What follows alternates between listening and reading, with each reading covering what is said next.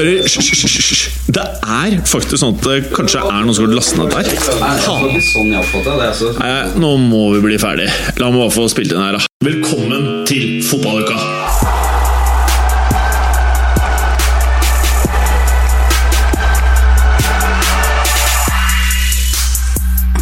I dagens episode av Fotballuka så har vi toppa teamet i studio idet oss ett-tall, Letchkov og Tamino82 utgjør panelet. Det er Champions League-uken som gjør eh, europadelen vår, hvor spørsmålet er som følger. Er årets gruppetoere egentlig gruppe enere?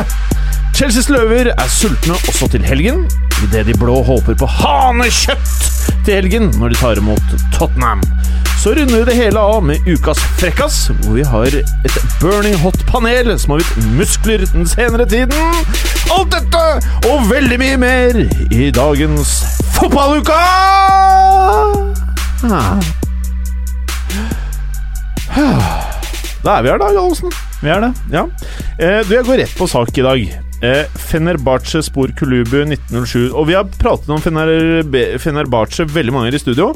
Denne gangen uforholdsmessig mye med tanke på hva vi vanligvis prater om. Helt riktig. Eh, men denne gangen det, Jeg vet ikke om jeg har sett T-skjorten før, men jeg kan registrere at det er meget med hull i T-skjorten. Ja, ett hull. For at nå kan fingeren min Nå er fingeren min faktisk på huden din. Mm. Dette ser veldig rart ut. Ja, selv om jeg egentlig tar på T-skjorten hans. Mm. Ta, Ta på puppen hans. på brystvorten. Å, fy fader, karer! La, er de. la rosina få kjørt seg. Men uh, igjen, jeg er alltid veldig nysgjerrig på dette emblemet til Fenerbahçe, for i midten her, er det et hasjblad? Det er ikke det, vet du. Hva er det for noe da? Um, nei, det vet jeg ikke. Men uh, hasjblad ser ikke sånn ut. Nei. Men uh, et eller annet viktig blad er det da, tydeligvis. Ja. Og så har de da tenkt at uh, de lager en sånn Chelsea-sirkel rundt emblemet, og så har de vinger på sirkelen. Ja. Fordi dette her er jo også en motorsykkelklubb, da, eller? Jeg gjorde det jeg på, ja. Det kunne godt vært det. De driver på med alt mulig der borte. Ja. Eh, bokseklubb er det. Men eh, de har jo eh, bare for et par timer siden, mens vi sitter her, slått Zoria 2-0 i Ja. Europaligaen. Og dersom United skulle gå på tap mot Feyenoord, så er eh, United ute av Europaligaen, mens Fener er videre, med en runde igjen. Mm. Så da måtte jeg jo gå i litt mørkeblått. Ja, det må jeg si. Mm. Ja. Kan eh, du spørre om uh, hva jeg har gjort i helga som var? Gallos 1. Hva gjorde du i helgen som var? Jeg var på fotballkamp i Sveits. Oh, ja. Eh, grashopper mot uh, Thon. Eh, Å, ja. 4200 tilskuere wow. i en ganske kjedelig match. Eh, og så skulle vi bare Vi gikk på puben som var rett over gata for stadion etter matchen, fordi vi skulle finne wifi og få korrespondert med de som skulle hente oss, om hvor vi var. Eh, og da kommer det plutselig, før jeg har fått bestilt den første ølen, kommer det et tredvetalls hooligans løpende inn den eneste inngangen som er til puben, og hoier og eh, ser helt panisk ut. Uh, og så viser det seg, vi ser ut av vinduet, at uh, dette var jo da hjemmesupporterne, at utafor så er det kanskje 100 stykker som driver og braker sammen og hiver eh, bord på hverandre og sånt noe. Du var midt i et oppgjør? Ja, og uh, puben hadde tydeligvis en instruks på dette, for dette var nok ikke første gang de hadde opplevd. Så umiddelbart så går sånn gitter ned foran vinduene. og så er vi bare stranda inne på puben der på ubestemt tid. Deg og eh, Margaret, eller? Meg og Margaret, ja. Ja. Tekniker Margaret. Men det var bare å fortsette å sitte og drikke, liksom. Så det var ikke noe sånn stopp i skjenking eller noe annet. Nei, nei, de, eh, jeg spurte han ene hva som foregikk. kjøre, kjøre på. Jeg spurte han ene hva som foregikk, da han bare sånn eh, We got cable, da var det Dortmund mot eh, Bayern München på TV. And we got enough beer, so just relax. Jeg liker Visste ikke at det var sånn i Sveits, altså. Nei. Det er mye man ikke veit om Sveits. Sånne svenske tilstander. Men det var svindyrt, tror jeg. Ja, det var ikke noe hyggelig å sitte der lenge. Jeg fikk en SMS her, da. Dyrt i Zürich. -hmm. Måtte du sende penger få den igjen? Eh, nei, vi fikk deg hit uten at eh, overførselen gikk igjennom. Ja, men det, det skal vi nok takke familien til Margaret for, som bor Ja. der. Å ja. Gjør det, ja? Ja. Mm.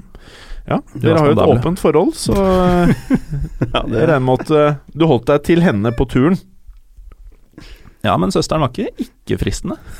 det er godt hun ikke kan norsk, da. Eh, Jordan Letchkov, Ja, velkommen skal du være. Jeg har åpenbart forfalt i løpet av uka. Fra Jason Statham. Til uh, til gamle Leshko. Ja, men det er greit, det. Hva skal Det du si? At At det er- er ganske lik hver uke? Nei, altså det som er at skjorta di Forrige uke så hadde vi Du viste jo knotter gjennom skjorta di For det forrige er uke. veldig varmt her nå. Ja, nå er det varmt. Mm. Men jeg syns kanskje at den skjorta enten er videre, eller så er du slankere på en uke. For du har ikke like massive pupper. Tror ikke jeg har Apropos, slanket meg veldig, altså. Eller så bare kom han med pump. Sist. At han kom rett fra og kjørte noen sett benkpress. Ja. Ikke sant? Jeg tror ikke det er veldig sannsynlig, det heller. Men eh, Eh, og Mats Berger, Ja, det er meg. du ser så blid og flott ut i dag. Ja, Er det noe spesielt som har skjedd? Nei, nei, det er ikke det. Jo, det, jo, det er jo det. Uh, Juve vinner gruppen sin. Ja, Ja. det er ikke dårlig, det. Nei, det øh, var øh, ikke 100% sikker at det skulle skje, så veldig happy. Hva er det du ser Nei, på? jeg ser, fordi Forrige uke så, så jeg jo dette smykket du har fått, med disse svarte kulene. Ar- Armbåndet? Ja. Ja, Nå ser at du har fått en, et sånn skinnbånd. Nei, hadde du alle tre da.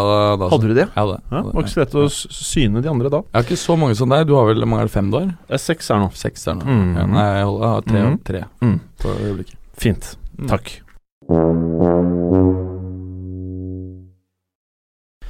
Du som ikke har så mye hår på huet. Ja. ikke deg. Hæ? Den, nei, den nei, andre som nei. ikke har så mye hår på huet. Nei. Nei, ikke Nei. deg, Preben. Den, den siste som ikke har så mye hår på huet. Hva da? Vi skal prate om eh, Champions League. Å ja, fett. Ja! eh, og så tenkte jeg, Berger Det er en uh, mouth-watering gruppe som uh, kalles Tror han er litt A. opptatt, Tim. Ja, du driver og tekster med noen kvinnfolk, tror jeg. I hvert fall, Der har vi Arsenal, så har vi PSG, FC Batzel og Ludogorets. Det er korrekt. Ja. Mm. Eh, hva må lytterne få med seg eh, av det som har skjedd under gruppen så langt? Nei, vi hadde jo et uh, uøvert oppgjør um, Arsenal-PSG. det så jo egentlig ut som om eh, Altså Først skårer jo Kavani. Uh, Giroud får uh, skåre på straffe i slutten av første omgang. Eh, så blir det, får vi faktisk ikke mindre enn to selvmål. Først ved Ratti. Eh, før uh, Iwobi Jeg har sett den igjen flere ganger i den situasjonen. Det er ikke så lett å se Hvilken av de da tenker du på? Jeg tenker på den, den, eh, den eh, headingen fra Lucas Mora. På, Ja, som Iwobi stusser inn? Ja, Mm. Ja. Den ser for meg ut som hadde gått i mål uansett. Vanskelig å si. Keeper står jo rett bak der, da. Så det er eh, nesten umulig å si om han har tatt den eller ikke. Men det er klart eh, Jeg stusser litt over at han ikke mm, krediteres for skåringen, faktisk. Men, eh, men Ja. på Uefas sider så står det oppført som, eh, som selvmål. Det blir 2-2. Kavani Cavani har jo også et par sjanser på slutten her som han burde ha satt. Eh, Jeg har jo tidligere sagt at jeg forventer at Cavani, etter å ha sett han mye i Napoli i sin tid, at han kommer til å begynne å hamre inn mål før eller siden. Han har vel en grei goal return? Han har jo hamra inn mål, det er bare at han skulle hamra inn tre ganger så mye, egentlig. Ja, ikke sant, akkurat. Han Og- har jo en bra goal return hit, hittil i Også hjemmekampen mot Arsenal så var det jo samme vise. Ja. Det var vel da kanskje vi snakket om det, faktisk. Og det er vel Er det fem uker siden? Seks? Nei, det må vel være et par, par måneder siden.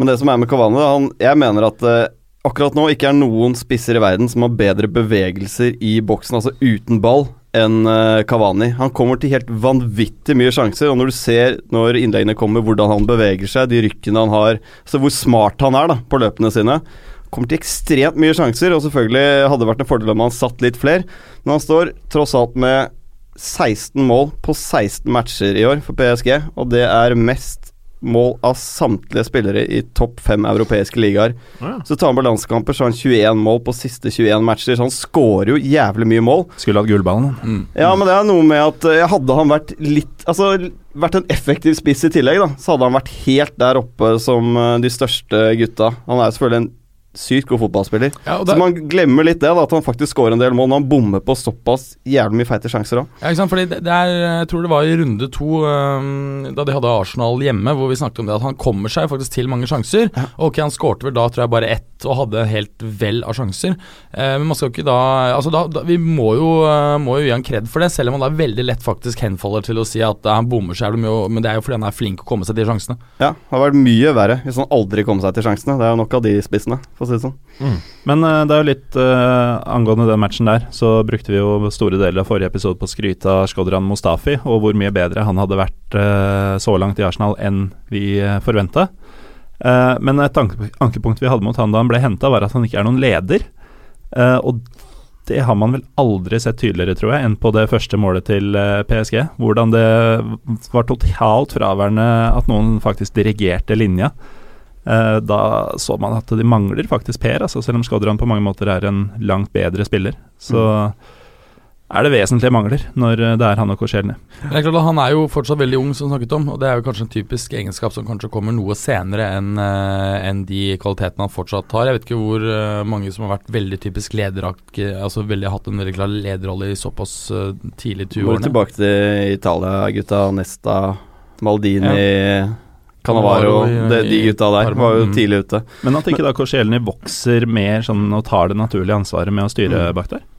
Vanskelig å si. Men jeg tenker vi må snakke litt om den straffesituasjonen også. Nå har ikke jeg sett den veldig mange ganger, den eh, Sanchez-straffen.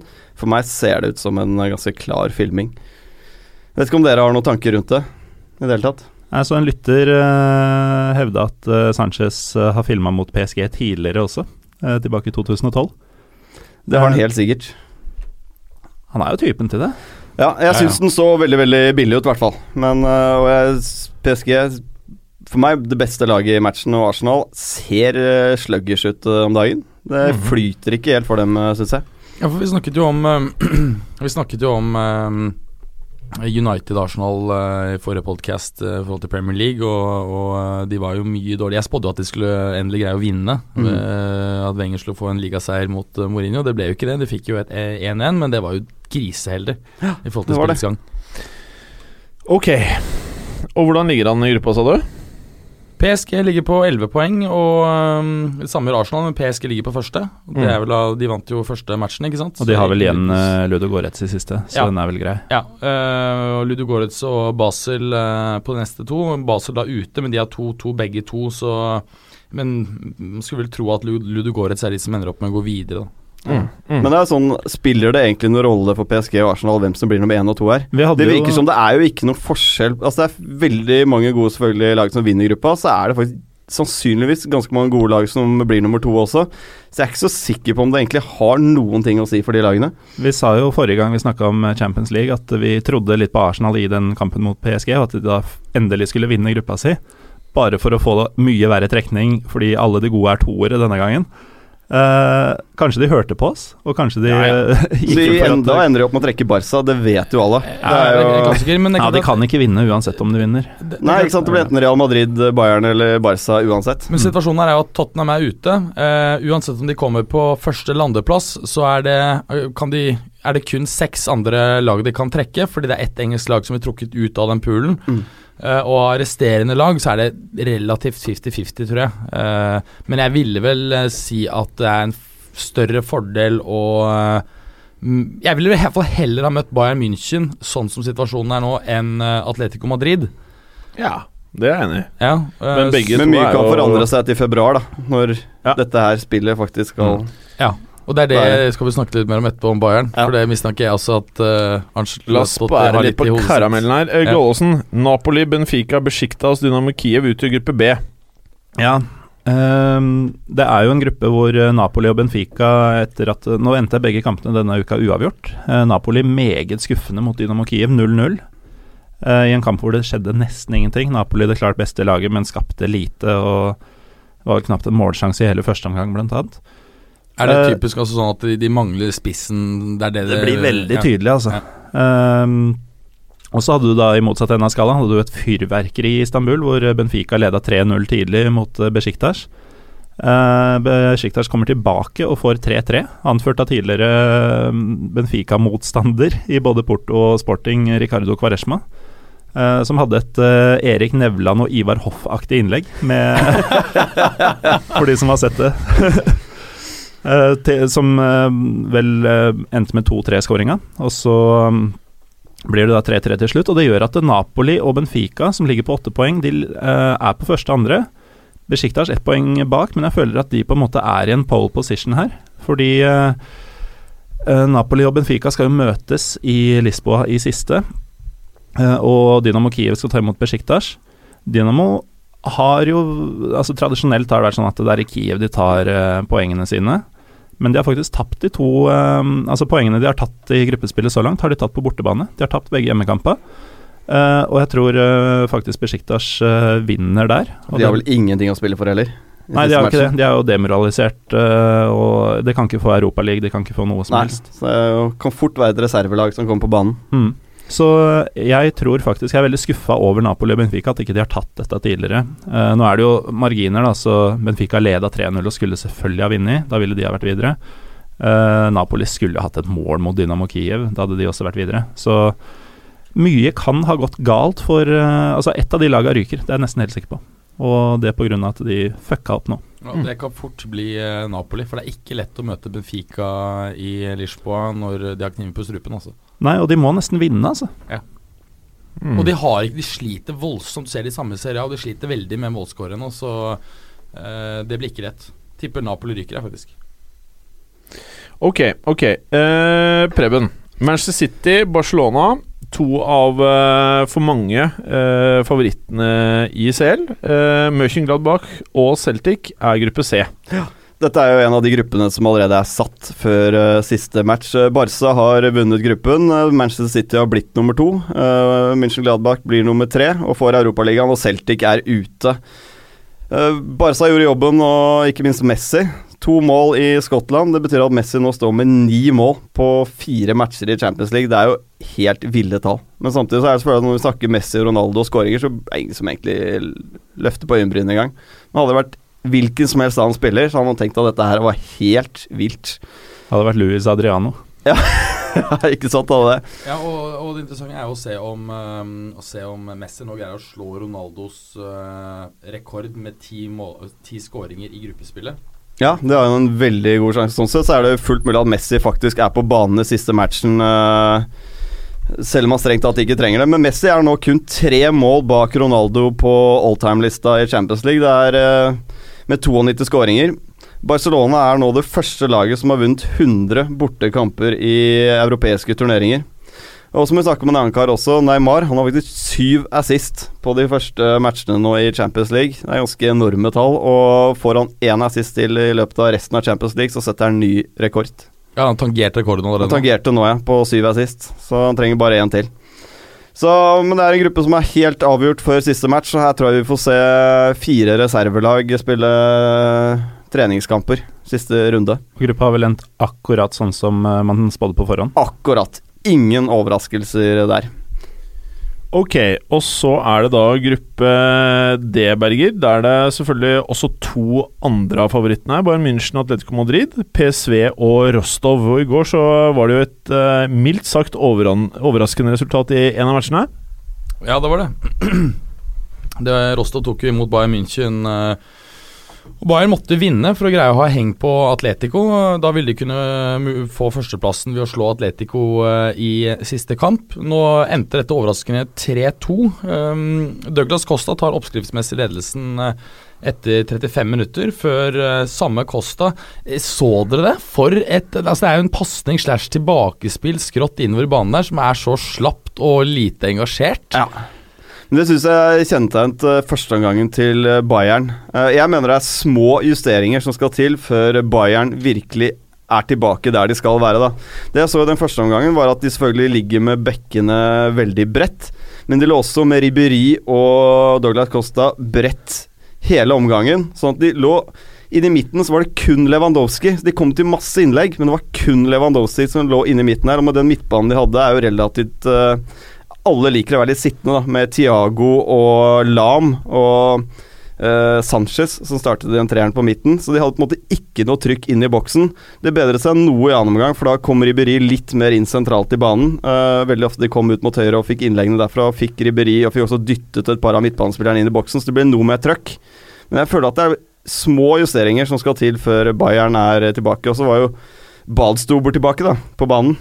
Ja, Han trodde jeg Visste ikke han eksisterte lenger? Nei, jeg visste ikke at han eksisterte. Jeg trodde han hadde en kontorjobb et eller annet sted. Men uh, han så jævlig rusten ut. Uh, Ja, men det, det, Backpacking er jo, det er jo ikke så jævlig rart. Nei, nei, men det gjorde jo også Boateng. Så Ja. også veldig rusten ut i den matchen her. Var jo en disaster. Altså, dette eh, Før denne um, Denne straffen Boateng også da greier ikke å, å ta imot ballen i det hele tatt. Spretter til motstanderspilleren, og så skal han gjøre opp for seg, og feller bare rett ned. Helt Men det er litt uh, som å se Rostov nå, tenker jeg. Jeg fikk liksom flashback til Rosenborg på Lerkendal i gamle dager, hvor det er kuldegrader, og du vet at de stjernene bare hater dette her. Bare flydd langt, og det er en sånn drittmatch de bare må gjennom. akkurat den feelingen der. Men det er jo De går for 50% og da blir det jevnt. Ja, nei, jeg er i hvert fall litt eh, Ja, jeg er helt enig med deg. Eh, Men eh, når det gjaldt et par av disse skåringene til Rostad så skal man jo ikke ta fra dem at det var sterke prestasjoner. Spesielt den første hvor tilbakespillet fra Costa blir snappet opp av av uh, Asmon, heter han. Ja, Sardar Asmon, ja. Ja. Han er en spennende spiller, altså. Ja, altså god. Han gjør det fantastisk. Holder opp ballen, drar seg fri og skyter. Det er jo uh, veldig pent gjort. Og Ja, det, det- er også et uh, frispark, Ja, det frispark er pent. var-. Ja, helt nydelig. Ja. Kjempebra. Så det er ikke noe dårlig lag. Ja, Men Nei, jeg ikke ferdig, Imern. Men, men, men, men, men, ikke sant, med hensyn til du sier at det er ikke så mye justeringer som skal til før Bayern er tilbake. Og klart Det er det samme jeg også tenker. Vi har vært litt skuffet over eh, Jeg hadde liksom trodd det skulle bli liksom helt sånn pang-pang som det ble med Real Madrid da Angelotti tok over. Men, eh, men eh, det er kanskje også litt det at han, han får deg med å gjøre noen justeringer, eksperimentere litt. Så vil du se at måte, de slår ut i full blomst når vi kommer i februar-mars. Og så har Thomas Müller hatt en ekstrem formsvikt de siste månedene. Ja. Han er jo ikke i nærheten av det nivået han var på Altså bare et halvt år tilbake i tid. da Nei, nei, ikke sant. Men det er klart at han har jo Han har jo Jeg vet ikke hvordan situasjonen er med hensyn til altså, Det er jo mange som har spilte langt ute i turneringen i sommer, og som har lite ferie, men uh, Men Müller var dårlig i EM i sommer også, så Ja. det, det henger litt tilbake, dette her. Så Over en lengre periode nå hvor Müller Han har på en måte vært stabiliteten selv. Det har vært det med Thomas Müller at han alltid er veldig god. Han er aldri sånn sykt god, men han er alltid veldig god i alle matcher. Nå syns jeg han har vært ganske dårlig over en lengre periode. Ja, Hadde han vært bra og kommet på i den kampen, så hadde han gjort at uh, ikke Lewandowski hadde vært like isolert. Ja, helt så Da riktig. hadde han antagelig sett et annet resultat. Ja. Men typisk så er det en blessing in disguise. For hva skjer med Müller når vi kommer til februar-mars? Ja, jeg, Da har han fått litt juleferie, en uke på en yacht i Karibia, slappet av litt. Uh, og, så, uh, og så kommer han til å herje helt vilt jeg tror Bayern er i en semifinale, Ja, ja, ja, ja. Når vi kommer dit. Lukt, jeg, vet ikke, jeg, jeg sa det jo med en gang at jeg lukter eh, Champions League, ass. Ja, De er ikke ute av det. Nei. Men de har hatt en svart uke, da. Det skal Ja. det. Og de, de tapte jo også mot eh, Det er klassiker mot uh, Borussia Dortmund 1-0 etter Aubameyang-skåring, var det til ti minutter eller noe sånt? Mm. Men Si noe om Atletico Madrid òg, eller? For uh, Grismann uh, skårte sitt mål nummer tolv i Europa, og tangerte legenden Luis Aragones med uh, antall skåringer i europeiske turneringer for Atletico Madrid. Så han er snart all time i Atletico. Ja. Mm. Det er litt andre tall der enn vi har i Real Madrid og Barca. Tolv mål. Luis Aragones Ja. han, han øh, greide jo å ta, ta Spania til dette endelige 2008-EM-et. Ja. Han På slutten her så var han så gammel at du så da han sto på treningene og holdt seg til målet, så sto han med åpen munn og siklet. altså, det var sånn- Da er det på tide å trekke over. ass. Dere, dere vet hva han gjorde etter det?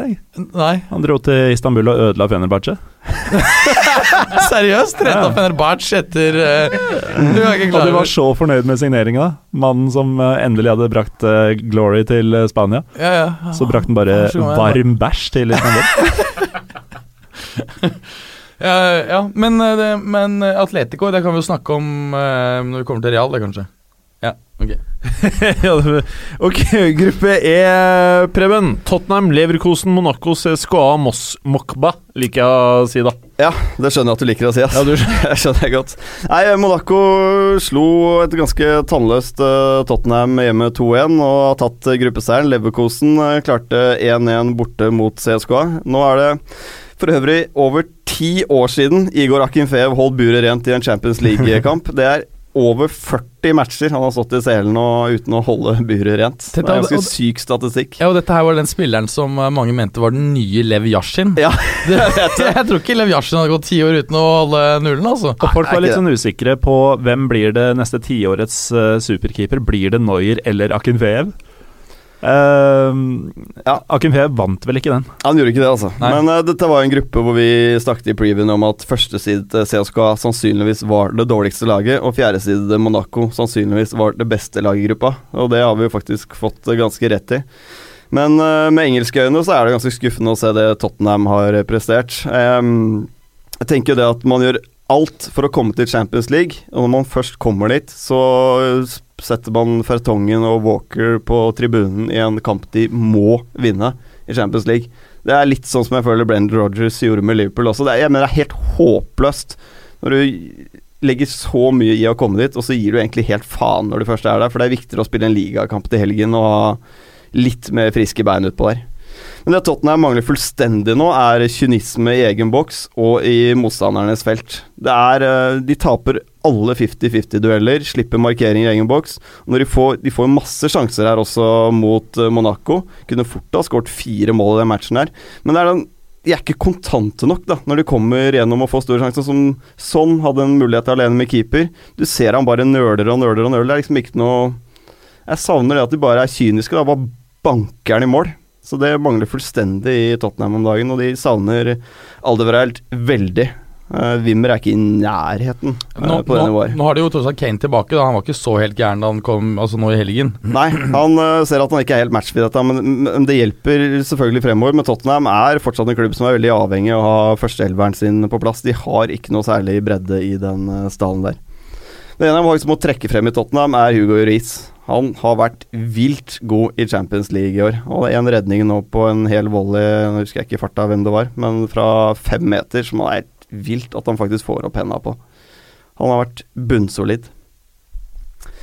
Det er det. Jeg tror, eh, Så kan vi snakke litt om Monaco, selvfølgelig, som uh, har gjort en veldig veldig bra, veldig, veldig bra gruppespill. Uh, jeg syns de har et ganske spennende lag, og de kan faktisk komme et lite stykke, litt avhengig av trekningen. Men de er veldig godt organisert. De er utrolig gode i duellspillet. Og så har de Bernardo Silva og Thomas LeMar, som er fantastisk kule spillere å se på offensivt. Tekniske, som samtidig De er ikke sånne her som dribler rundt på cornerflagget, men det skjer faktisk noe også. Og Falcao har jo faktisk begynt å skåre mål også, noe som ingen trodde vel for noen måneder siden. Og så har du fete spillere lenger bak på banen også. altså Bagayoko, Ja. CDB, Fabinho ikke minst. Ja. Eh, Det er veldig gøy å se Monaco eh, spille fotball for tida. Og en veldig god keeper også. Mm. Bra. Uh, Gallosen, uh, dette her var jo for meg uh, kanskje den gruppen jeg gledet meg mest til, gruppe F. Og det er jo fordi oppgjørene Dortmund-Real Madrid er alltid superunderholdende. Uh, utover det så er det jo sporting også Legia. Hvordan har gruppen vært så langt? Sporting og Legia har jo ikke levert, det kan vi jo starte med Legia. Jeg satt og så på Borussia Dortmund mot Legia nå. Altså, i, I åpningsmatchen, var det vel, i Polen, så vant jo Dortmund 6-0 mot Legia. Eh, nå i Dortmund ble det 8-4. Eh, og det var som å sitte og se på en PlayStation-match, hvor du spiller Altså, du er han gode, så du er Borussia. Så spiller du mot en kompis som er ganske god med ballen, men som ikke evner å forsvare seg. Og det var Altså, måla også. Det var som tatt ut av TV-spill. Det var holde inn L1 og trykk trekanten akkurat lenge nok, og så chipper du den gjennom til hvem som helst.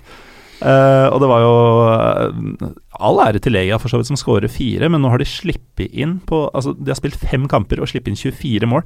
De slipper inn tett opp mot fem mål i snitt per kamp. Det er så bra, altså. Uh, de kan likevel bli nummer tre, da. Det er ganske sjukt. De Men det var vel faktisk- det, det laget vi spådde kanskje var det dårligste i hele Ja, Champions League. men nå har de- På de to siste matchene nå så har de møtt Real Madrid og Borussia, og de har jo faktisk skåra sju mål mot de to lagene. Og nå har de igjen eh, Sporting kommer til Warszawa. Eh, hvis Legia klarer å vinne den, så blir de faktisk nummer tre. Og da skal Sporting eh, begynne å lure på om de kanskje ikke skulle slippe i Slimani og uh, Jao Mario og hele den gjengen i sommer, altså. Men eh, når det gjelder Borussia og Real Madrid, da. Eh, Real slo Sporting 2-1 borte nå, uten Ronaldo-skåring da han returnerte til eh, gamle stadionet sitt. Ehm, nå har Borussia 13 poeng på førsteplass, og Real på andre har 11. De møtes i Madrid i siste runde, og vi spekulerte jo forrige gang i om eh, Real ville gå for andreplassen. Um, men nå har det endra seg litt etter denne runden, da, fordi nå ser det ut til at Juventus likevel vinner sin gruppe. Så da har du én ener som de absolutt ikke vil møte. Uh, og så blir det jo sånn at PSG tilsynelatende vinner gruppa si foran Arsenal. Det er vel også et lag som De ville heller hatt Arsenal enn PSG. Eh, så vi var litt redde for å bli snytt for at den matchen skulle bety noe for Real Madrid. Nå tror jeg faktisk de vil gå for det, at vi får en klassiker i siste runde. Nam-nam-nam. Men så var det kult å se Royce tilbake. tilbake. Var det fire han hadde? Jeg kom ut av tellinga. Altså. Ja, men det er Kan eh, jo- kult at han er tilbake. Mm. Og Kagawa hadde en fin match. Jeg tror det Det bare var hat det trick. det var hat trick, ja. Mm. ja. Det er bare, Bare å- faktisk i den matchen. her. Ja, han er det. Bare, bare. Men, men eh, jeg kan nevne det med hensyn til gruppe H, da, at det er, den er eh, avgjort fordi at uh, Juve har uh, Dynamo Zagreb, som vel knapt har skåret mål hjemme i siste. Dette kan du ta når vi kommer dit, Berger. Ja, eller, ja. Du tenkte du bare Ja, men Så fint da, Berger, at du hoppet over gruppe G. Det gjør ikke vi da her i fotballuka. For Preben, Ja. der har vi jo da eh, bidraget fra nord, København. Leicester, Porto og Brygge. Var dette her antatt den kanskje svakeste gruppen sammen med gruppe B? Ja, det var jo det. Altså, det er den gråeste gruppa, det må jeg i hvert fall kunne si. Og her er jo egentlig ganske mye satt før den siste runden. Eh, Det er åpenbart hvert fall du kan si det, det er åpenbart at Champions League er ganske mye lettere for Leicester enn Premier League. De har nå tatt eh, flere poeng da igjen i Champions League enn de har i Premier League. 13 mot eh, 12 poeng. København og Porto 0-0, og Leicester slår Brygge 2-1. De siste matchene her nå er at Porto møter Leicester, og Leicester har ingenting å spille for, for de er gruppevinner uansett, så Porto kommer til å vinne den matchen der. Det skiller bare to poeng mellom Porto og København, men eh, jeg ser ingen mulighet for at Porto ikke slår Leicester i siste runde der, altså. Så da blir det en ganske hederlig europaligaplass på Ståles eh, København. Tatt seks poeng. Jeg syns de har gjort en ganske god figur jeg, i Champions League. Eh, Berger, nå skal du få lov til å slippe deg løs her med gruppe H. Er det noe gruppe H? Og da er det selvfølgelig Juventus, Sevilla, Lyon og Dynamo Zagreb. Ja, det så jo stygt for Juventus eh, med hensyn til gruppeseier etter eh, etter eller før denne runden her, men uh, går av uh, banen med 3-1-seier. Ligger under etter bare ni minutter, uh, etter at midtstopper Pareja header ballen eh, i mål. Marquisio uh, skårer på straffe, får to uh, To gule kort. Eh, Tidligere Palermo-spiller uh, Vasques som, eh, som eh, får disse gule kortene. Marquisio setter som sagt eh, straffen. Eh, Sevilla ble nok påvirket her av å få eh, en mann utvist, og var veldig livlige egentlig starten av kampen før de eh, dabbet av og, og valgte å måte være litt mer defensivt orientert etter at de fikk en mann eh, utvist. Likevel så går det helt frem til 84. minutt før Bonucci kom med et langskudd. Eh, så kan jeg nevne før det så kommer Moise Keane, som bare er 16 år gammel. Uh, Skåret nesten ett mål i snitt for juniorlaget. Er- ja, det er vel 18-19-20-åringer, disse juniorene. Og eh, greier jo ikke å score her, men, eh, men er livlig og får uh, gjort vist frem noen driblinger. Uh, Mansukic legger på til 3-1 eh, på overtid. Uh, nå har han uh, Moise Keane da kommet på banen to ganger på noen få dager. og håper å tegne, eller klubben håper å tegne kontrakt med han når han fyller 17. Det er jo Raiola selvfølgelig som er agenten hans. Sjølsagt. ja, og, og, og, og hold dere fast, Balotelli er forbildet. Nice. Jeg liker Moise Keane. Ja. Men han er veldig seriøs, da, så jeg, jeg tror ikke han kommer til å bli et sånn wasted talent, selv om Balotelli tross alt har vært bedre nå i høst. Mm. Men uh, det gjør jo at, uh, at eh, Juventus da står med 11 poeng mot uh, Sevillas 10. Lyon er på 7 poeng, Dynamo Zagreb 0. Zagreb kommer da til Torino i siste kampen. Jeg, vet ikke om de knapt har skåret eh, mål. De kommer jo til å få kjørt seg ordentlig. Lyon har vært eh, gode. Det er ikke gitt utkommet av, eh, av eh, den matchen eh, Altså Nå hadde jo Sevilla hjemmebane her, så de skal spille borte da mot, mot Lyon. Det mener jeg er relativt åpent, men jeg tipper at Sevilla går videre. Jeg liker Sevilla skikkelig godt. Altså. Ja, det er, ja, de er så ja. herlig naive. Og det er jo så kult å se på sånne lag. Eh, sikkert et helvete for de som er fans av laget og følger med. Sitter med hjertet i halsen hele tiden, men for nøytrale så er det helt sykt digg å se på. Ja, ja, jeg husker jo sånn i- helt i starten eh, så, så spilte jeg tror det var åpningskampen sånn i La Liga hvor de spilte 6-4. Mm. Og Sampaoli han var dritfornøyd. Ja, der vi vant jo med to mål. Ja, Og nå klikka han litt her sånn i 60-ene, så ble han sendt på tribunen fordi han uh, skjelte ut dommeren og protesterte fælt. Så er jo en fargerik type der.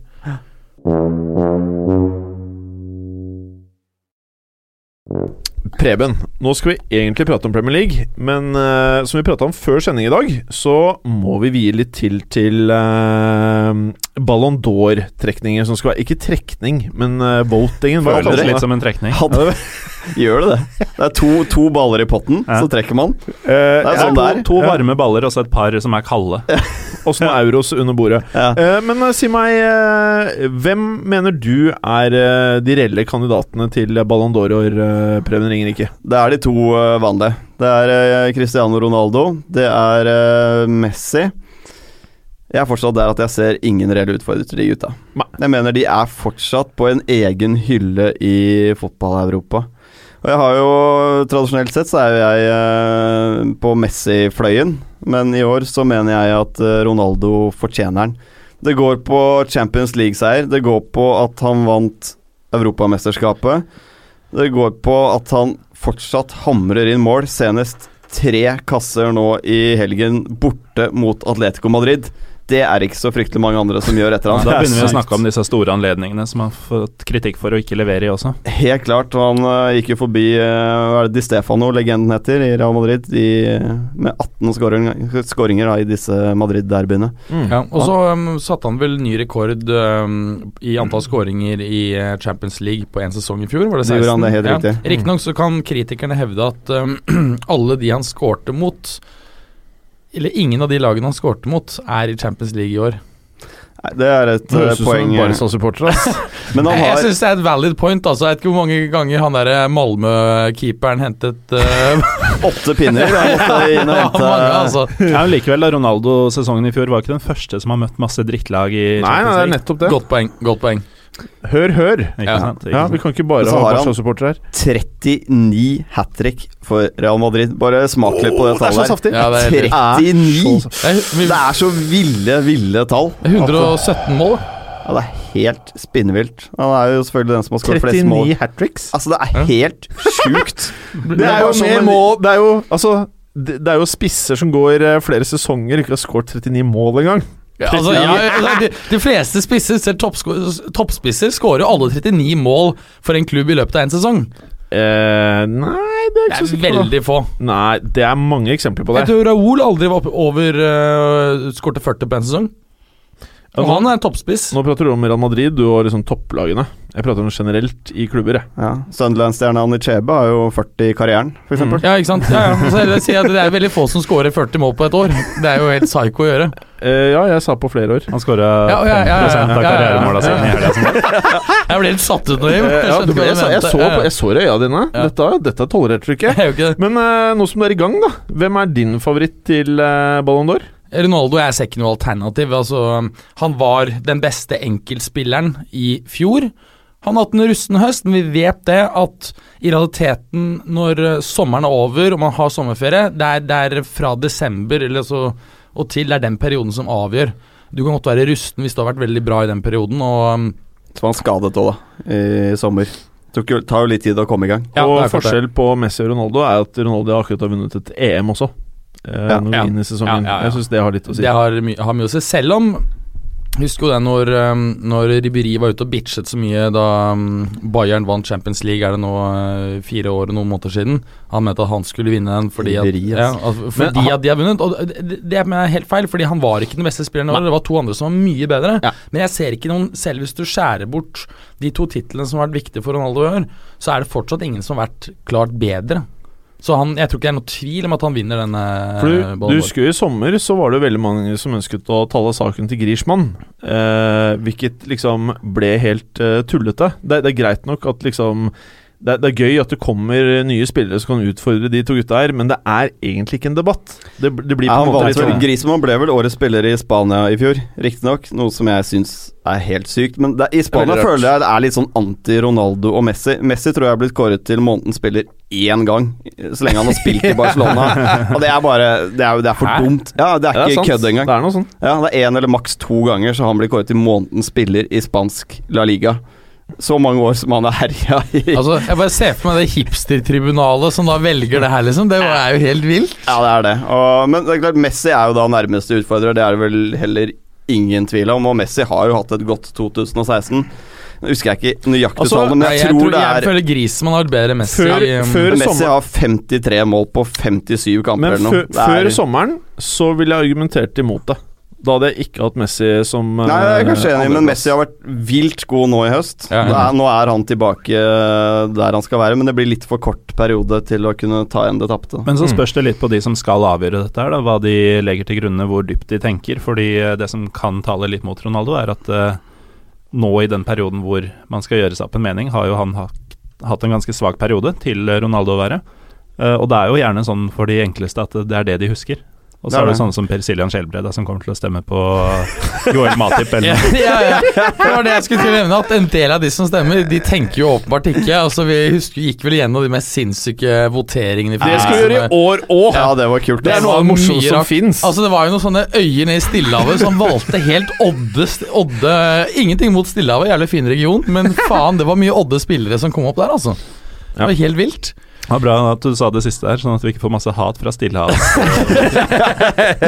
Uh, Gallosen, nå har du nesten vært inne på det, men hva er dine betraktninger rundt Ballon d'Or? Nei, For det første, altså lyttere fra i fjor uh, husker sikkert at jeg syns Ballon d'Or er noe fjas. Ja. Men uh, jeg er helt enig med panelet her. Det er, uh, det er duka for Ronaldo. Ja. Og Messi nærmeste utfordrer, og så Jeg syns kanskje vi kan skimte konturene av at om et år eller to så kan vi snakke om en reell konkurranse med et par-tre andre navn, men vi er ikke der ennå. Nei. Kan hende en ting til, og det er jo at um, for noen år tilbake så ble Fifa årets spiller og Ballon d'Or, som gis ut av magasinet Frans Fotball, eh, slått sammen. De splittes nå opp igjen fordi fransk fotball ikke er eh, happy med situasjonen, og det gjør at vi antagelig går tilbake til å ha to priser, noe jeg egentlig syns er bra. Fordi det betyr at i de årene hvor det er én spiller som er helt suverent bedre, så vinner den begge. Mens når det på en måte har vært et tvilstilfelle, så er det mulig at det, det splittes. Men er vi enige om at det er Ballon d'Oren som liksom uh, eier vest? La meg si det sånn, Det var en grunn til at Fifa var keen på å merge med Ballon d'Or. Ja, det er den Det er som er for- ja, Altså. ja, ja. Så den andre der I don't care, egentlig. Nei, det blir litt sånn tullepris. Jo, den er, den er jo kul, Ah. den er kul å få, for den er den eneste andre prisen. Men jeg mener at det Ja, er det, det som er, sånn er, eh, er fett. At du har, du har liksom Ballon d'Or som er klar nummer én, og så har du en pris som gis ut av Men det er ikke så du- kult da å vinne Altså I Norge, du Ja. har VG, og så har du den andre Hva den heter Dagbladet. Men eh, ok, ok. La oss eh, Er det noe mer vi ønsker å si her? Er det noen andre navn som ikke er på denne treeren, Griezmann, Messi, Ronaldo, som burde nevnes? Jeg syns personlig Neymar hadde en fantastisk start på sesongen. Jeg syns Suárez var knallbra. Eh, og jeg syns perioder at eh, jeg, jeg vet ikke helt, jeg, men jeg, jeg syns jo en del av de Bayern München-spillerne i fjor var knallbra. Uh, men det var vel egentlig ingen av de som jeg liksom Jeg kunne ikke tatt én av de og sagt at dette er uh, liksom der oppe, men jeg syns flere av de imponerte meg av det jeg så gjennom sesongen. Uh, og jeg syns blant annet Jérôme Boateng Det er noe, det er noe Jeg må bare si Jeg har litt man-crush på han, faktisk. Men nå om Det dagen hadde så er gått han over dårlig. hvis du hadde sett Rostov-kampen. Ja, Ja. og nå har jeg jo sett sånn som- Rummenigge si at han må komme back to earth, som jeg lurer på hvordan i all verden han mener skal være en uh, Men- Men det er jo dette at han lærte forsvarsspill av, uh, av Guardiola, har han jo sagt selv. Ja. Nå er han borte, og med det den disiplinen til Guardiola, og så har han fått den balleknainga til uh, Angelotti, og kanskje det ikke funker på alle.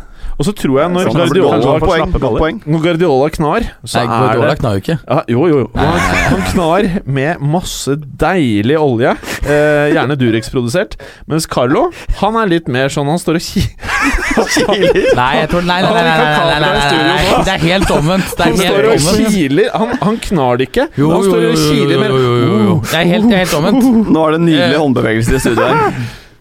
Jeg tror det er nettopp det som er Arcelotti. Han bygger opp egoet. Det, er, det gjør ikke Guardiola. Han gir instruksjoner, og så får du et ego som følge av at instruksjonene, hvis du følger dem riktig, fører til sterke prestasjoner. Mm. Men um, det jeg vil tenke med hensyn til eh, Ballon d'Or, det er at hos de som har vært i tvil, så føler jeg at eh, det hat tricket mot Atletico Jeg hadde selv gleden av å se kampen. Eh, det er en kraftig siste spiker i kista, tror jeg, for det. kan også nevne i den kampen så um, spilte jo Ronaldo som midtspiss. Noe som jeg tror eh, vi kommer til å se mer og mer av fremover, fordi at han har ikke lenger hastigheten til å drive på samme måten inn fra venstre, men han er fantastisk på posisjonering, han er i, i, i boksen, så jeg tror vi kommer til å få se mer og mer og mer av det. Dette er bare en detalj, men en liten korreksjon. Han har ikke kapasitet til å gjøre det i 50 kamper i året. Hva da, løpe Ja, fra det tror jeg er riktig. nei. Ja, Mm. Så han har fremdeles Du ser at eh, når han gir maks i deler av kampen, så ser du han fortsatt har det. Men han klarer ikke i 90 minutter, eh, kanskje opptil to ganger i uka. Det dette er kan være litt sånn krise for Karim Benzema, da. Hvis Ja. de kjører nå eh, Ronaldo som midtspiss eh, fremover, da er det kroken på døra. Ja, Jeg har en følelse av at han er ute av Real Madrid til sommeren. Ja, det tror jeg også, fordi at han er fortsatt mulig å selge for en ganske stor sum til, la oss eh, tenke til oss, Arsenal. ja. Eller noen andre fra England Eller noen som fra har rød England. drakt. Ja, liksom. Du får flippa han for langt over det du kjøpte han for, og da har han vært god deal. Så har du Morata, som antagelig fortsatt uh, er villig til å sitte en del på benken. Han har jo Det jævlig er dårlig deal å være, ikke være superstjerne i Real Madrid, ass. Ja, men hvis du selger Benzema, så vil han antagelig Altså Hvis du sier at eh, Ronaldo spiller 50-50 fra wing og, eh, og sentralt, da så vil han jo få en god del, eh, en god del kamper. Dessuten så er det jo viktig å merke seg at eh, det var ikke rent sjelden da Morata spilte i Real Madrid sist, at vi så han faktisk drifte inn selv fra venstrekanten. Så eh, der kan vi kanskje se et spennende at de liksom bytter på. Men bare for å nevne det fra Atletico-Real-oppgjøret. Jeg må jo si Vi prata om det på telefonen her om dagen, Berger. Isco. At, eh, nei. Jeg vet ikke hvem du prata med. Men eh, det, det vi prata om, var at eh, når Zidane tok over Real Madrid, så var vi veldig der at eh, han har egentlig ikke den store manager- eh, eller coaching-erfaringen. Han har nylig tatt utdannelse og trent litt eh, junior og vært litt under Mourinho, den stilen der. Men jeg må jo si at det krever store balls å stille med det laget han stilte med mot Atletico Madrid. Ja. Det, det, jeg gir enormt kred, og jeg vet jo internt i den klubben der, oppe, og har fulgt Real Madrid i mange år, hva slags press det er på managerne. Og du skal ikke lenger tilbake igjen til gode pingvinmannen, Rafa Benitez, før alle valgene på banen virket som eh, Perez-valg. Men det skal tas med, jeg tror at Zidane er i en helt annen eh, situasjon enn de fleste andre som kunne kommet inn der. Fordi han kjenner Perez så godt. Han har en ekstrem standing i klubben fra før, både som spiller og på en måte godt gradene etter spillekarrieren. Derfor så tror jeg at han eh, aldri vil få den samme typen eh, intern kritikk ved, ved Men er du enig at hadde han blitt smadra 3-0, da hadde ting stått seg ganske annerledes nå? Nei, da, da, tror jeg faktisk at han er en sånn person som da bare Ja, men det er ikke så rart, fordi både PP og Ramos er ute. Nacho kan ikke gå inn der. Men hva skjedde? Jeg mener, Varan og Nacho var dritgode. Spesielt Nacho. Jeg, Ja, det var ekstremt, jeg var ikke klar over at det bodde en sånn forsvarsspiller i han. Jeg syns han er bra, jeg. Han er er bra stort sett Altså, hver det gang jeg er ser han. det er Real-laget, spiller for spiller nå, er det noe som er i nærheten, egentlig? Nei, for de har, doble, de har faktisk i realiteten nesten verdensklasse eh. Så kan du si at Contrao kanskje på venstrebekken ikke er verdensklasse. Men bortsett fra det, ja, så er det liksom to elver, altså. ja, og så kan du si Danilo. At han er Jo, men han er egentlig en veldig bra eh, fotballspiller. Han ble bare ødelagt av presset. Han ble Han- most som ble veldig mange most. andre. Ja. Sist, det- sist jeg så det av en bekk i Real, det var Royston Drente. Ja.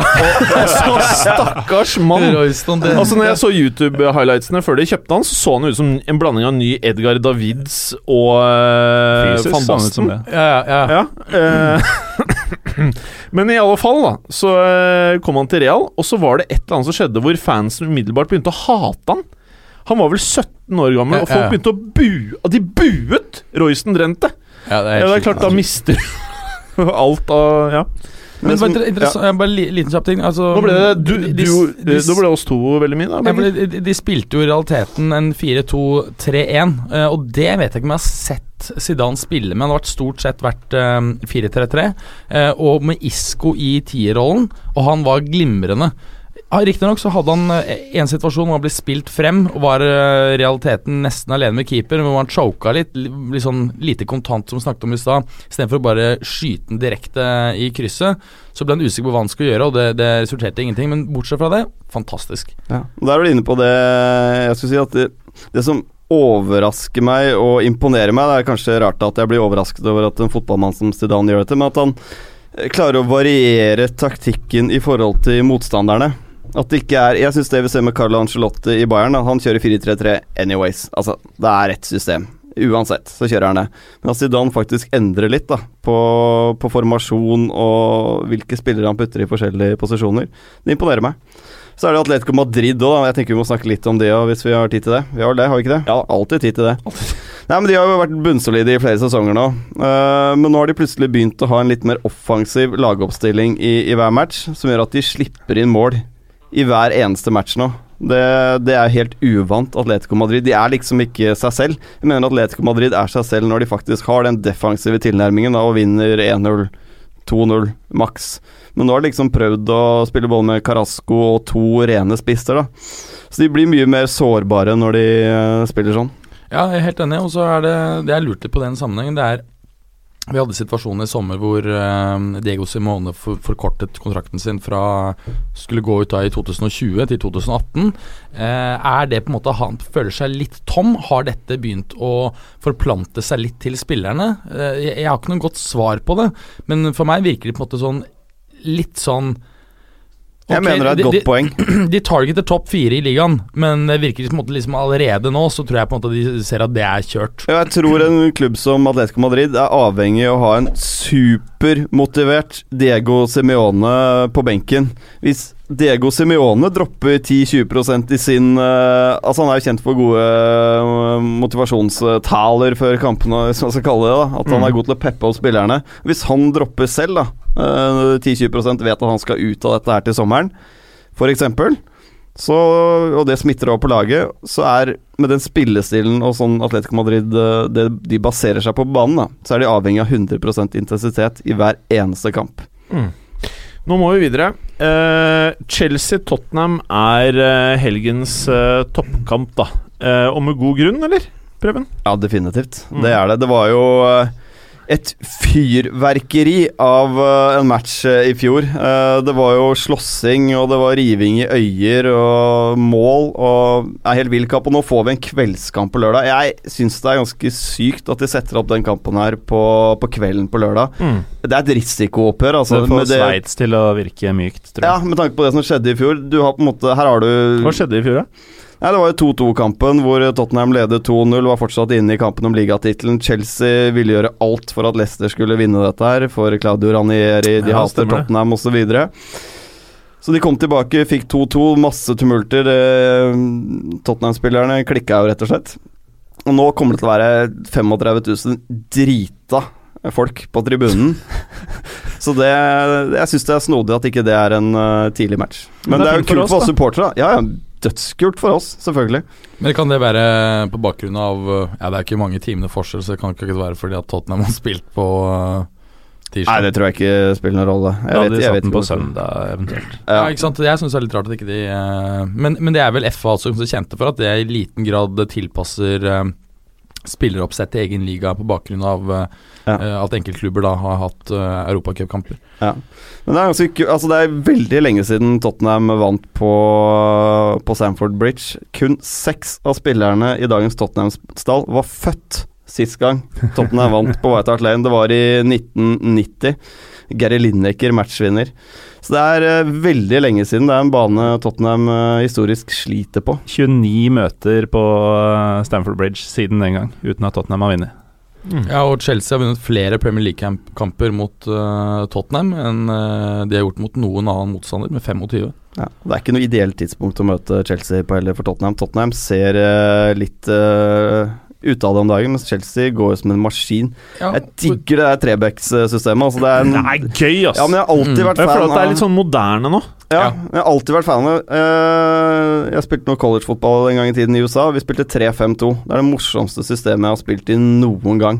Men det krever enormt av de wingbackene. De må være forsvarsspiller, og de skal være angrepsspiller. Mm. Så det er et helvete å være wingbackene. Skulle sett de treningene vi hadde. Altså, de ble bare pusha opp og ned hele dagen. Og det som gjør det morsomt med Chelsea da, er jo at de har tatt inn to sånn løker fra treningsfeltet og satt på wingback, og det funker jo optimalt. Ja, det gjør det. Og det er, hvis du har to wingbacker de er, jeg mener de er nøkkelen i et uh, 3-4-3-3-5-2-system.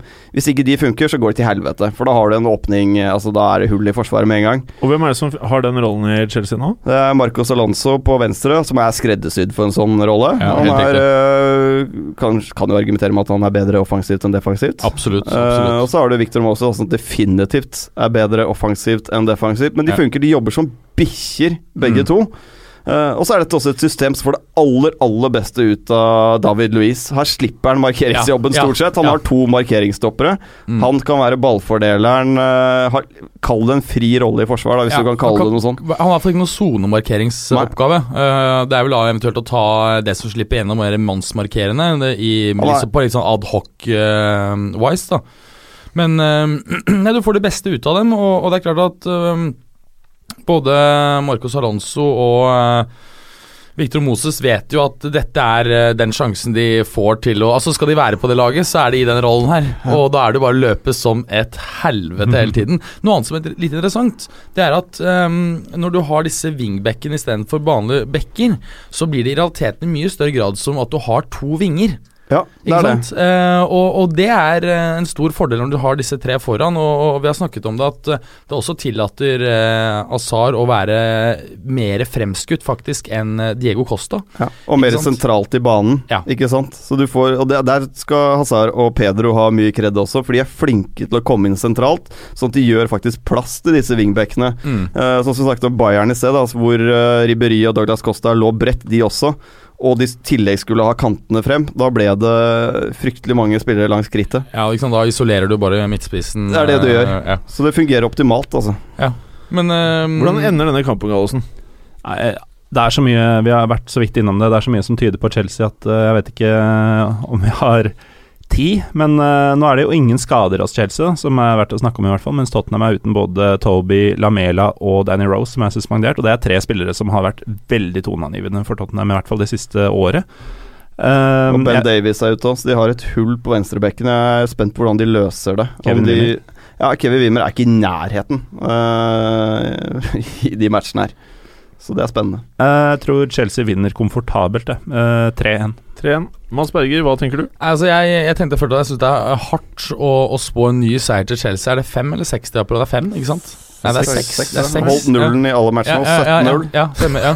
Da, da begynner det å bli sånn Jeg er, nå er jeg ganske komfortabel med fotballukas eh, spådom før sesongen, Berger, hvor vi sa at dette tar Chelsea. Ja, ja, ja, tar. Premier League i år. Eh, Og, og særlig mot uh, Spurs, som er tross alt fortsatt det laget som har sluppet inn færrest mål per kamp i, uh, i Premier League. Men jeg, jeg ser ikke at Spurs, som nå har en formdipp De kommer fra et bortemøte som har vært skuffende i Champions League. Selvfølgelig har det vært noen dager imellom, men du merker det ut Så jeg kan tenke meg Nå har de jo stått og terpet antagelig da på Contes taktikk og analysert og analysert en hel uke, og de er helt uthvilte.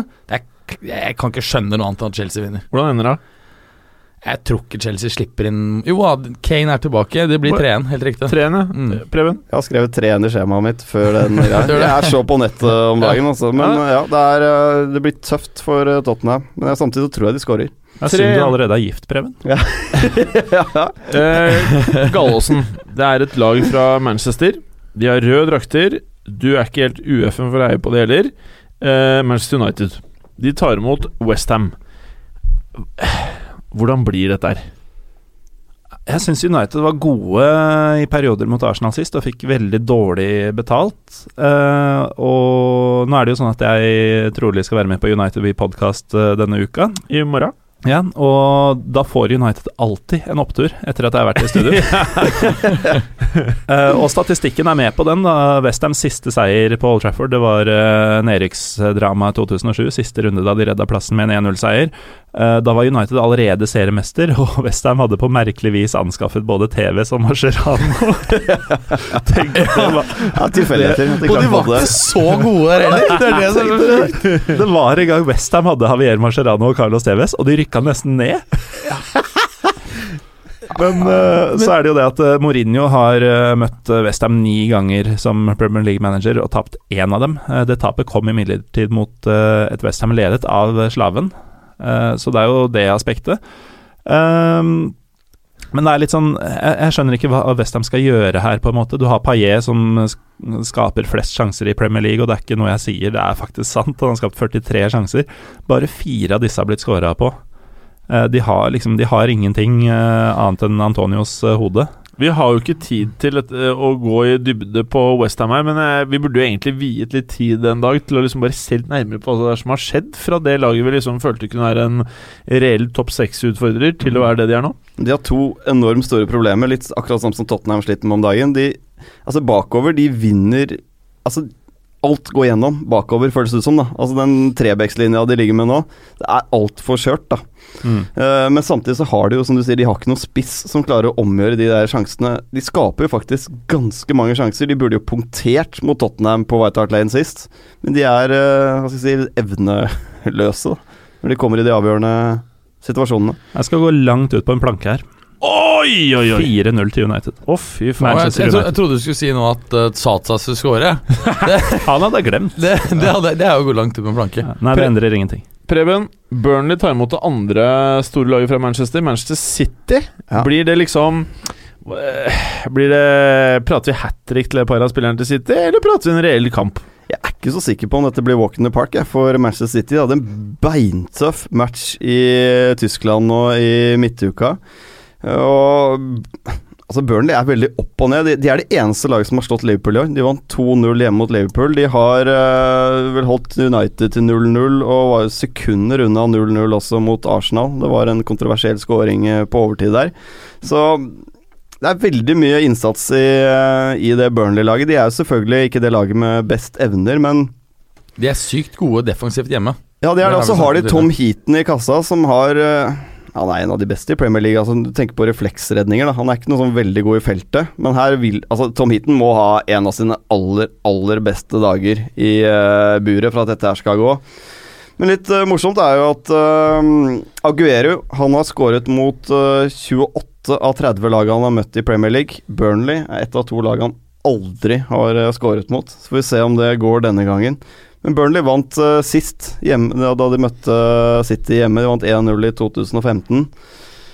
Så vi får se. Jeg tror det blir jevnere enn man uh, kanskje skulle tro. At vi får se i hvert fall en førsteomgang hvor vi ser et uh, City på litt lavgir. At de kanskje speeder opp etter hvert.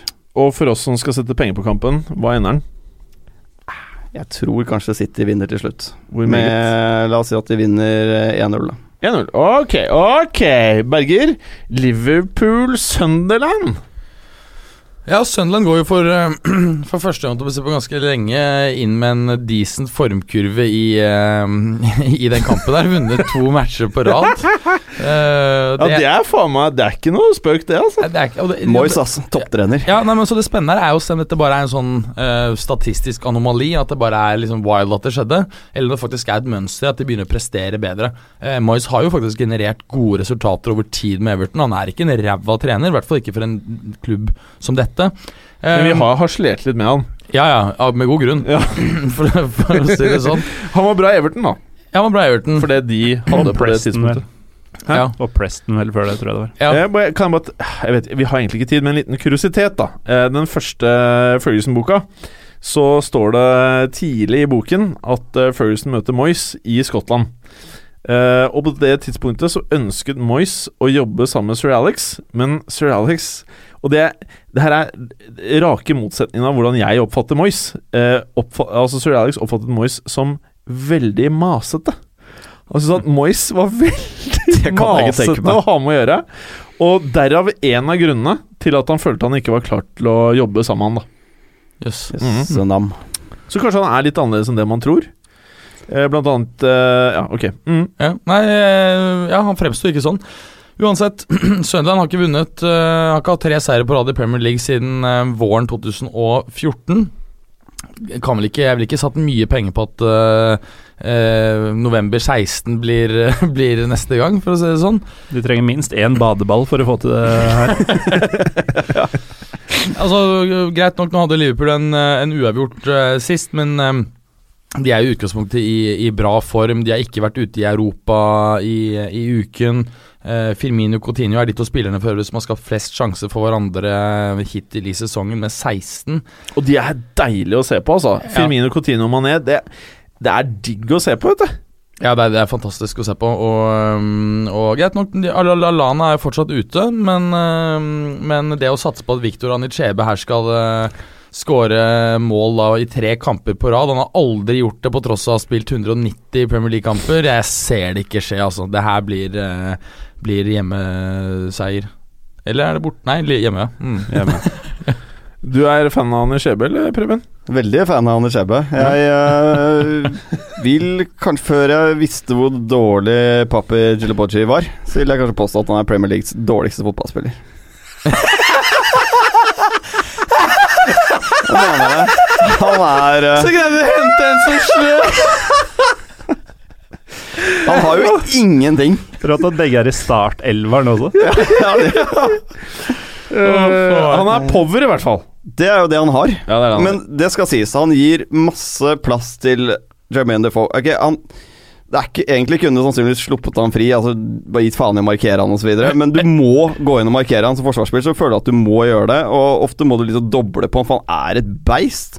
Og det gir faktisk plass til Defoe, da, som er ja, han er jo en av Premier Leagues beste avsluttere fortsatt. Og denne kampen ender, som sagt Jeg, jeg, jeg tror det blir et mos. Jeg tror det kan bli eh, 3-0, 4-0. Ja, en av delene. 4-0. 4-0. Jeg, Ok. tror- jeg, tror- det faktisk blir 4-0. Ja, 4-0, ja. men Så bra. Du sier det høyner den til 5, altså. 6-0. altså, Sunderland-fans, altså, i studio. Going once. Men jeg kan nevne en, en litt annen lættis stat, stat her, da. Det er at, eh, det er at eh, James Milner tror jeg faktisk blir en av de, enten fire eller fem. Han har skåret um, Han kommer til å ta straffene, sikkert. Han- Nei, han har, han har skåret fem mål mot uh, Premier League-mål mot Sunderland, men ingen av dem er for Liverpool. Og det sjukeste er at han har skåret for fire forskjellige lag mot Sunderland i Premier League. Yes. Du Men, la men det fram som en frekkas. Hæ? Du la det fram Ja, som en frekkas. Ja, du så frekk, ass! Du ville ha litt moment tilbake. vil, dere, vil dere ha vi- hvilke lag der? Ja, ja. eller? Ja, alle skjønner at det er selvfølgelig er City, men det er også Newcastle, Newcastle. Aston Villa og Tottenham. Leeds. Leeds. Leeds, ja. Mm. Riktig Da, Leeds-tid. da, da, da, da, da sånn, jeg leste det, så jeg bare Han karen begynner å bli ganske gammel, altså, for det er lenge siden jeg hadde Men uh, Husker du Mark Viduka og Alan Smith, liksom? Og de var jo Kewell. det var deilig lag, ass. Ja, de ja, i ja, det var Champions deilig. League sammen. Eirik ja, de, Bakke. ja, de, de, de, jeg tror faen meg de møtte um, Fiorentina med Batistota og Manuel Ri Korsta bak i kvartfinale hos Champions League. I hvert fall i åttendels eller noe sånt. ja, ja. ja. De ble most, da. Ja, blir most. Og så hadde de herlige, nydelige, litt sånn realaktige hvite drakter. Ja, Og så hadde de klubbfly, som var veldig dyrt, så det, det ble til slutt litt for dyrt. Å, sier du det? Ja, det var bare de, Hadde de klubbfly? ja, det var bare presidenten som Ja. brukte Det det. som også er litt Vi hadde jo kostnader så det all verden. Jeg leser historien om Leeds. Det er sånn Det er ikke mulig å gå Nei, ikke gå konkurs med de kostnadene de hadde, Det liksom. var ikke mye kontroll der. Eh, Gallåsen. Ah. Arsenal skal spille mot Bournemouth, og da lurer jeg på eh, Hvordan ender dette her? Nei, Det blir jo ofte klar klasseforskjell når Bournemouth eh, møter de ordentlig gode. De skal jo på død og liv eh, være tro til eh, den ballbesittende, fine spillestilen til Eddie Howe. Det går sjelden bra, det, altså. Og nå har de jo De har og for seg en De har én ordentlig klassespiller, Jack Wilshere, og han får ikke spille denne kampen. Det er en del av utlånsavtalen med, oh ja. med Arsenal. Det er. Eh, De har ingen andre ute, da. I motsetning til Arsenal, så mangler Santi Casola, Beirin og Mertesacker. Eh, Vi nevnte tidligere at eh, det spesielt sistnevnte fraværet han var veldig tydelig mot PSG, og det betyr at det kan bli en del rom for respektløse Callum Wilson. Men det er et halmstrå. Uh, 2-0 til Arsenal i begge møtene i fjor. Bournemouth har aldri scora eller tatt poeng mot Arsenal. Uh. Eh, det blir jo selvfølgelig eh, Arsenal-seier, dette her, men jeg kan jo nevne at uh, siden vi er så glad i kuriositeter i dag Ja. Eh, Det er de to managerne i Premier League eh, som sitter nå, som har sittet lengst i sine klubber. Mm. Eh, Wenger har jo selvfølgelig sittet over 20 år, litt mer overraskende kanskje at Eddie Howe er på andreplass på denne lista, men Hvor lenge har han sittet? da, eh, nå over fire. Ja. Så det er ganske vill forskjell. Men da Wenger tok over Arsenal, da var Eddie Howe 19 år, hadde akkurat spilt sin femte kamp for nettopp Bournemouth. Shit. Fett. Det er en fe fin liten snack. Syns det. Mm. Eh, ja, du sier det ikke kommer til å gå bra. Hva blir resultatet her, da? Nei, det blir Jeg tror tydeligvis på en målrik runde. Eh, Det blir eh, 3-1 til Arsenal. Å Dette. ja, sier du det, ja? Det blir stort sett 3-1 til hjemmelaget i London eh, denne helga. Jeg tror det, Så-. Ja, Jeg tror på det, ja. Mm. Å, såpass, ja. Ja, Men det er fint, det. Preben. Southampton, Everton. Ja, jeg skal ikke så, si så veldig mye. Altså, det er to lag i ganske svak form som møtes her. Altså, Everton begynte jo så bra, og man begynte å tenke kan de utfordre litt oppå de øverste plassene, her, litt, lukte litt på Europa osv., men jeg tror de bare faller ned på den vanlige 9.-10.-plassen til slutt, altså. Dessverre. Det er jo Koman vært ute og, og, og, og sa vel at Liverpool er en av favorittene til å vinne Premier League. Du sier ikke det som Everton-manager, bare drit Si City, da. Bare drit i det. Ja, ja, ja. Altså, selv om du mener det, bare gi Kanskje du kom fra Nederlands og bare og, bare, og Lukaku er for god for denne klubben, sa han vel mer eller mindre. At han eh, kan vi selge til sommeren. Altså, Det så det er, er, begynner å bli er litt sånn murring i Everton-fansen nå, med Koman, eh, faktisk. det er ikke så rutt. Det er jeg, ikke det. jeg, jeg tror faktisk at de ender over niendeplass. Altså. Jeg tror vi er mer på uh, sjette Åttende? sj- Altså. Jeg skulle til å si åttende. Det var det jeg også så, at åttende ikke var noe godt eksempel av. Så jeg skulle si sjette-sjuende. Nei, altså, men Southampton hadde jo også en god rekke uten tap her nå, men så har det plutselig gått fire uten seier. Nå har de riktignok møtt eh, gode lag som City, Liverpool og Chelsea den rekka, men uh, er to lag som sliter foran mål. Hva skal vi si, da? 0-0-1-1? 0-0-1-1. Jeg liker det. Eh, Berger, Ja. du får æren av å ta Swansea mot Sexy Crystal Yeah, Palace. baby! Og Altså- vet jo hvordan dette kommer til å gå. Altså Dette er jo de to store formlagene i uh, li ligaen. Begge ser helt katastrofen. Nei, men, Swansea greide faktisk en uh, uavgjort sist. Sterkt. men vi vet jo alle etter at Jan Peder er, at uh, Swansea kommer til å klare seg. Ja, og det, det er klart at da får du ikke Skal du greie det, så kommer du Du, du, på huet men du får ikke noen bedre opportunity enn dette her. Det er ser på. Altså, Palace kommer inn her med fem seire eh, Unnskyld, fem tap på direkten. Benteke er ute, Loic Remy er ute. Du får ikke bedre mulighet eh, til å vinne. Det er hjemmebane for Swansea. Hvem? du vet hvem de har? Wickham? Oh, yeah. Heldigvis. Oh yeah. Klassemann, altså. Det hvem, eh, hvem i panelet var det som traff så jævlig med at han skulle score mot City? Det var Morten det and aka Morten Macho Morten. Det er veldig bra. Ja, og det er derfor det blir 3-1 til Swansea. Conor Wickham skårer trøstemålet. 3-1 til Swansea! På merkelig vis så blir det det. Jeg tror faktisk Swansea vinner, jeg også. Jeg Altså Det er liksom Pardus-team. Vi er inne i den der åtte tap på rad-rekken hans. Så vi har fortsatt tre-fire kamper igjen ja, før ja, han ja, ja, når det punktet Ok, der. La oss høre med Galesen. Er du også på dette her toget her, eller? Nei, 2-1 tror jeg der ble altså. 3-1 ble hardt. Ok, Mm. hør her, folkens. Jeg kan si med stor sikkerhet at Crystal Palace tar dette her 1-0. Greit. Fint, det.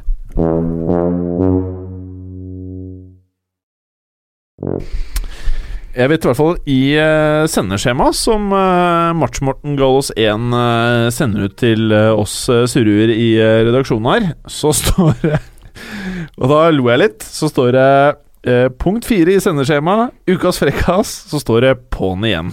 Og jeg vet så godt hvordan du mener på'n igjen. Du mener fy faen, nå er vi her igjen. Det blir jævlig. Jeg gruer meg, jeg kommer til å svette i panna. Og for en gangs skyld, Morten, så skal ikke du få lov til å sitte på pinebenken. Ja. For vanligvis så er jo du til slutt. Ja, det har liksom gått så bra de siste gangene at det er ikke noe morsomt lenger. Nei, du har vært for flink. Sånn at eh, jeg tenkte for nye lyttere Vi har jo denne spalten her som heter Ukas frekkas, hvor paneldeltakerne finner et eller annet fra fotballverden. Vi startet jo med at det måtte være noe som har skjedd ganske nylig, men ettersom veldig mye av det vi har funnet eh, opp igjennom kanskje ikke er eh, alltid like bra, så har vi bare åpna det til at uh, frekkasen er alt. Så, Morten Gallosen, nå ser jeg at du gleder deg. The mic is yours. Ja, eh, må jo først gi en stor takk til eh, denne iTunes-rate-mannen eh, Dennis B, Ja. som eh, er mest skyldig vel for at denne spalten er tilbake. Han, han har for så vidt bildet hans på Twitter, en sånn snegle. Jeg tror det er han som en snegle. Er det ikke det? Dennis B. Det vet vel du, Tamin82. Twitterkongen. Ja, ok, la oss gå videre. Nei, vi uh, må jo en tur Altså, vi starta med Tyrkia når det hjalp meg. Vi skal avslutte med Tyrkia også. Vi skal til uh, amatørfotball i Tyrkia. Uh, en lokal amatørliga ved Svartehavet, hvor uh, Olobey Bellediespor har ja. hatt en eh, perfekt sesongstart. Eh, full pott etter tre kamper, og utrolige 26 plussmål etter tre kamper. Det, det toppa seg nylig, eh, nemlig, med en 20-0-seier mot eh, rivalene Kabataspor. Og dette er jo amatørfotball, ikke sant, og ganske lave lønninger, men det som er, er at eh, ved spesielt gode mm, prestasjoner, så belønnes de med solide bonuser av sponsorer og klubbpresidenten, så spillerne er jo helt ekstremt fornøyd med seg selv når de går i garderoben og venter stor applaus og champagne og det som er. Men eh, klubbpresident Isa Turkcan, som eh, tilfeldigvis eh, også er politiker for Erdogans regjerende AKP, Hva sier du det? han var ikke imponert. Han var forbanna på laget. Fordi han mente at de hadde putta for mange og spilt for bra.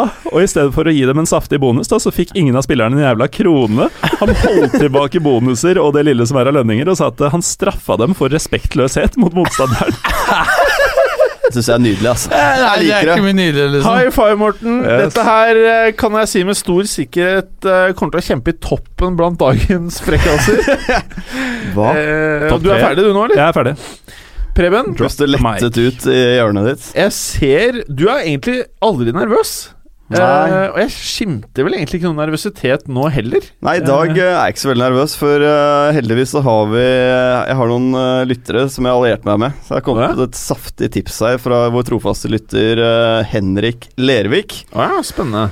Vi har snakket mye om Victor Anichebe og Sunderland i dag, så det er vel greit å harselere litt mer med det. De vant jo 3-0 hjemme mot Hull nå i helgen, og en av heltene var da selvfølgelig tomålsskårer Victor Anichebe.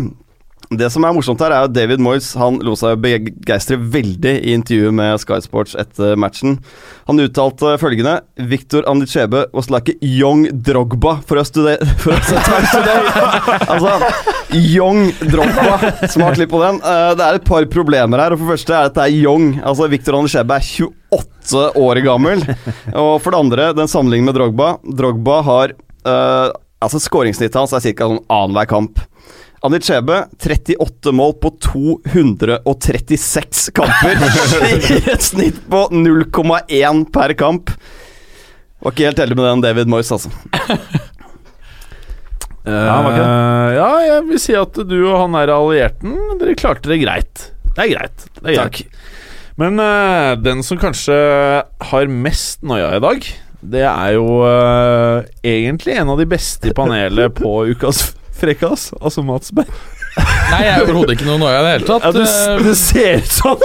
Nei, det er overhodet ikke. Vi skal i dag til eh, Balløya, altså Storbritannia. Der eh, hvor alles Zlatan Ibrahimovic, som vi vet, nylig landet i Manchester.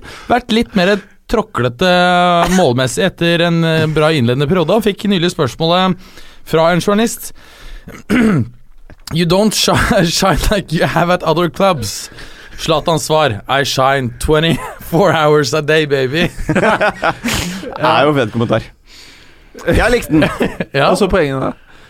At han uh, Zlatan er Zlatan. at Zlatan er Zlatan. ja, ja, ja, Ja. Fordi han var frekk liksom tilbake. Ja, Han var kul da, baby. Han skinner hele tiden. Ja, ta den siste en gang til. At han sa I shine 24 hours a day, baby. Hadde vi filma nå, så hadde du gjort det veldig bra. Ta det en gang til, for du gjorde et eller annet med ansiktet ditt. Nei, nei, det holder. Ja, men Bare ta siste ganger bare få se. I shine. 24 hours a day, baby. Ja, men Veldig bra. Dette her, eh, dette her er det, det er høy kvalitet. Jeg vil si det, Man kan jo ikke forvente mer eh, enn det man har eh, i dag. Dette her er, det, det er veldig, veldig solid, karer. Takk. Eh, og jeg, jeg vil si, Berger, på tross at du hadde den eh, i deg ti av ti eh, på IMDb-skalaen for innlevelse, Mm. der var du best i dag. Ja. For selve punchlinen Kan jeg, kan jeg, kan jeg, kan jeg få, få poeng for noe annet? Ja. 0,1 er jo faktisk feil. Han scorer jo for 0,15 per kamp, Anne Chebe. Ja, Det er faktisk riktig. Ja. Jeg runda oh, ned ja, du- det. Du tok Ja. knekken på Preben. Det, du er kjapp i hoderegning, altså. Jeg er ikke. Ja, han er smart, vet du. Eh, men ok, gir full pott for innlevelse. Gir deg også full pott for at du sladret på Preben og ødela litt, for jeg hadde tenkt til å ha han høyt i dag. og som vi vet, så pleier jo egentlig ikke Preben å komme høyt på disse tingene. Vet du, Jeg runda, Er Drogba opp og runda Nichebe igjen. Er det noen andre som merker iblant at det virker som Jim kjenner Preben bedre enn oss andre? Litt mer komf med å gi deg pepper? Men i hvert fall. Eh, Preben, jeg gir deg ti av ti for lagmoral. Fordi Takk. eh, du eh, var jo veldig du, du hadde jo mange frekkaser på lager her, selv om du bare tok én av de. Eh, så det ser jeg veldig bra. Eh, du hadde en fin innvendelse, en grei sak. Uh, og du allierte deg med lytter, som gir deg ti av ti for uh, Hva heter det? Viktig å snakke Ja. med lytterne våre. Ja, Interaktivitet. Ja, interaktiv Bra, bra Gallosen! Språkfetisjisten vår. Og Gallosen, du er seiersherre i dag, men uh, stor margin, fordi den frekkas var genuint fet. Du hadde en bra fake, ass. Takk. Gratulerer, Morten Gallosen. Takk, Jim Fossheim. Det betyr mye. Har du noen ord ta- til lytterne? Uh, Rate oss gjerne på iTunes. Rate oss gjerne på iTunes. Eller har du noe genuine ord? kan, kan, kan vi slutte å ta frekkaser snart? For nå har jeg hatt tre på rad som er bra. Og vær, vær så snill, slipp meg løs. Ok, karer. Og for dere lyttere så eh, vurderer vi kanskje å slippe Eller å rett og slett eh, spille inn fotballuka av og til på mandager også, sånn at den har lengre levetid, da. Eh, vi får se. Men eh, takk for i dag. Takk skal du ha. Takk for i dag. Takk for i dag. Å, takk for i dag. Takk for at du hadde høre på. Vi er Fotballuka på Twitter, Facebook og Instagram. Følg oss gjerne. Men bare få høre. Den tror jeg blir litt fet.